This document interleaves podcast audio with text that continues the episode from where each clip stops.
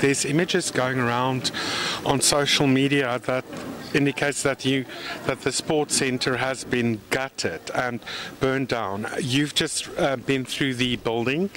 Um, there's uh, damage that was sustained to the foyer.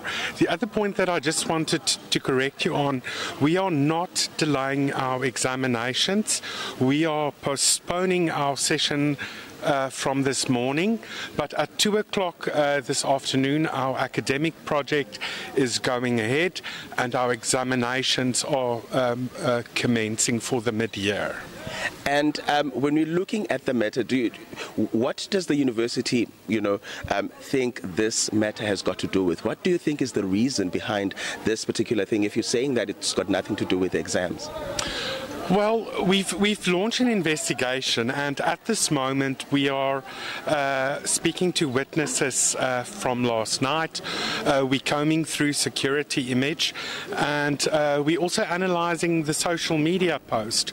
Uh, there was mobilisation on on social media. At this moment in time, um, we're also not going to rule out sponsored anarchy, sponsored violence. Uh, I think we need to be open minded and we need to all these factors uh, taking place right now. Um, you're saying sponsored violence and sponsored anarchy. Can you please just explain to us what does that mean? Well, we've seen in the past that that that, that people would commandeer individuals from surrounding towns or uh, the town of Alice. So as I say, our investigation is going on right now. Uh, we're looking at everything. We're speaking uh, to, to students. Uh, we, we're working with the authorities. But the most important thing is that our academic project is continuing. The exams are going on today. And of course, this morning when I spoke to staff, a lot of staff are, are, are fairly uh, devastated.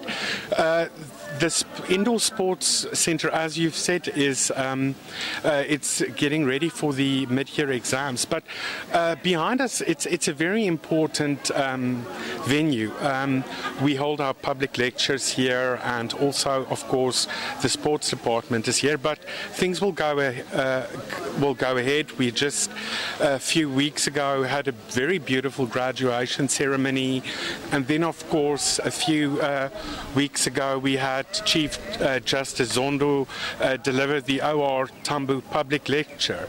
So as I can say to you right now, we, we're very perplexed as to what really triggered this protest. Um, it, we, we, are really uh, uh, baffled yeah. right now. And um, we understand that the exams are going to continue. Um, how do you then make sure that students that are going to be coming to sit for their exams are safe and that the institution is further made safe, in, in, especially in light of what has happened?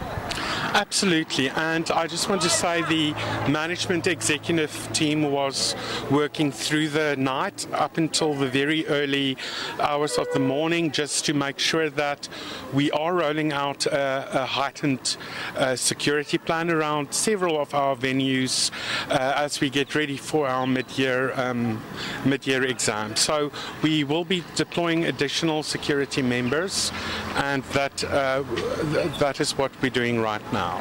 And that was the university spokesperson, JP Ruit, uh, speaking to our reporter, Stima Mfeku.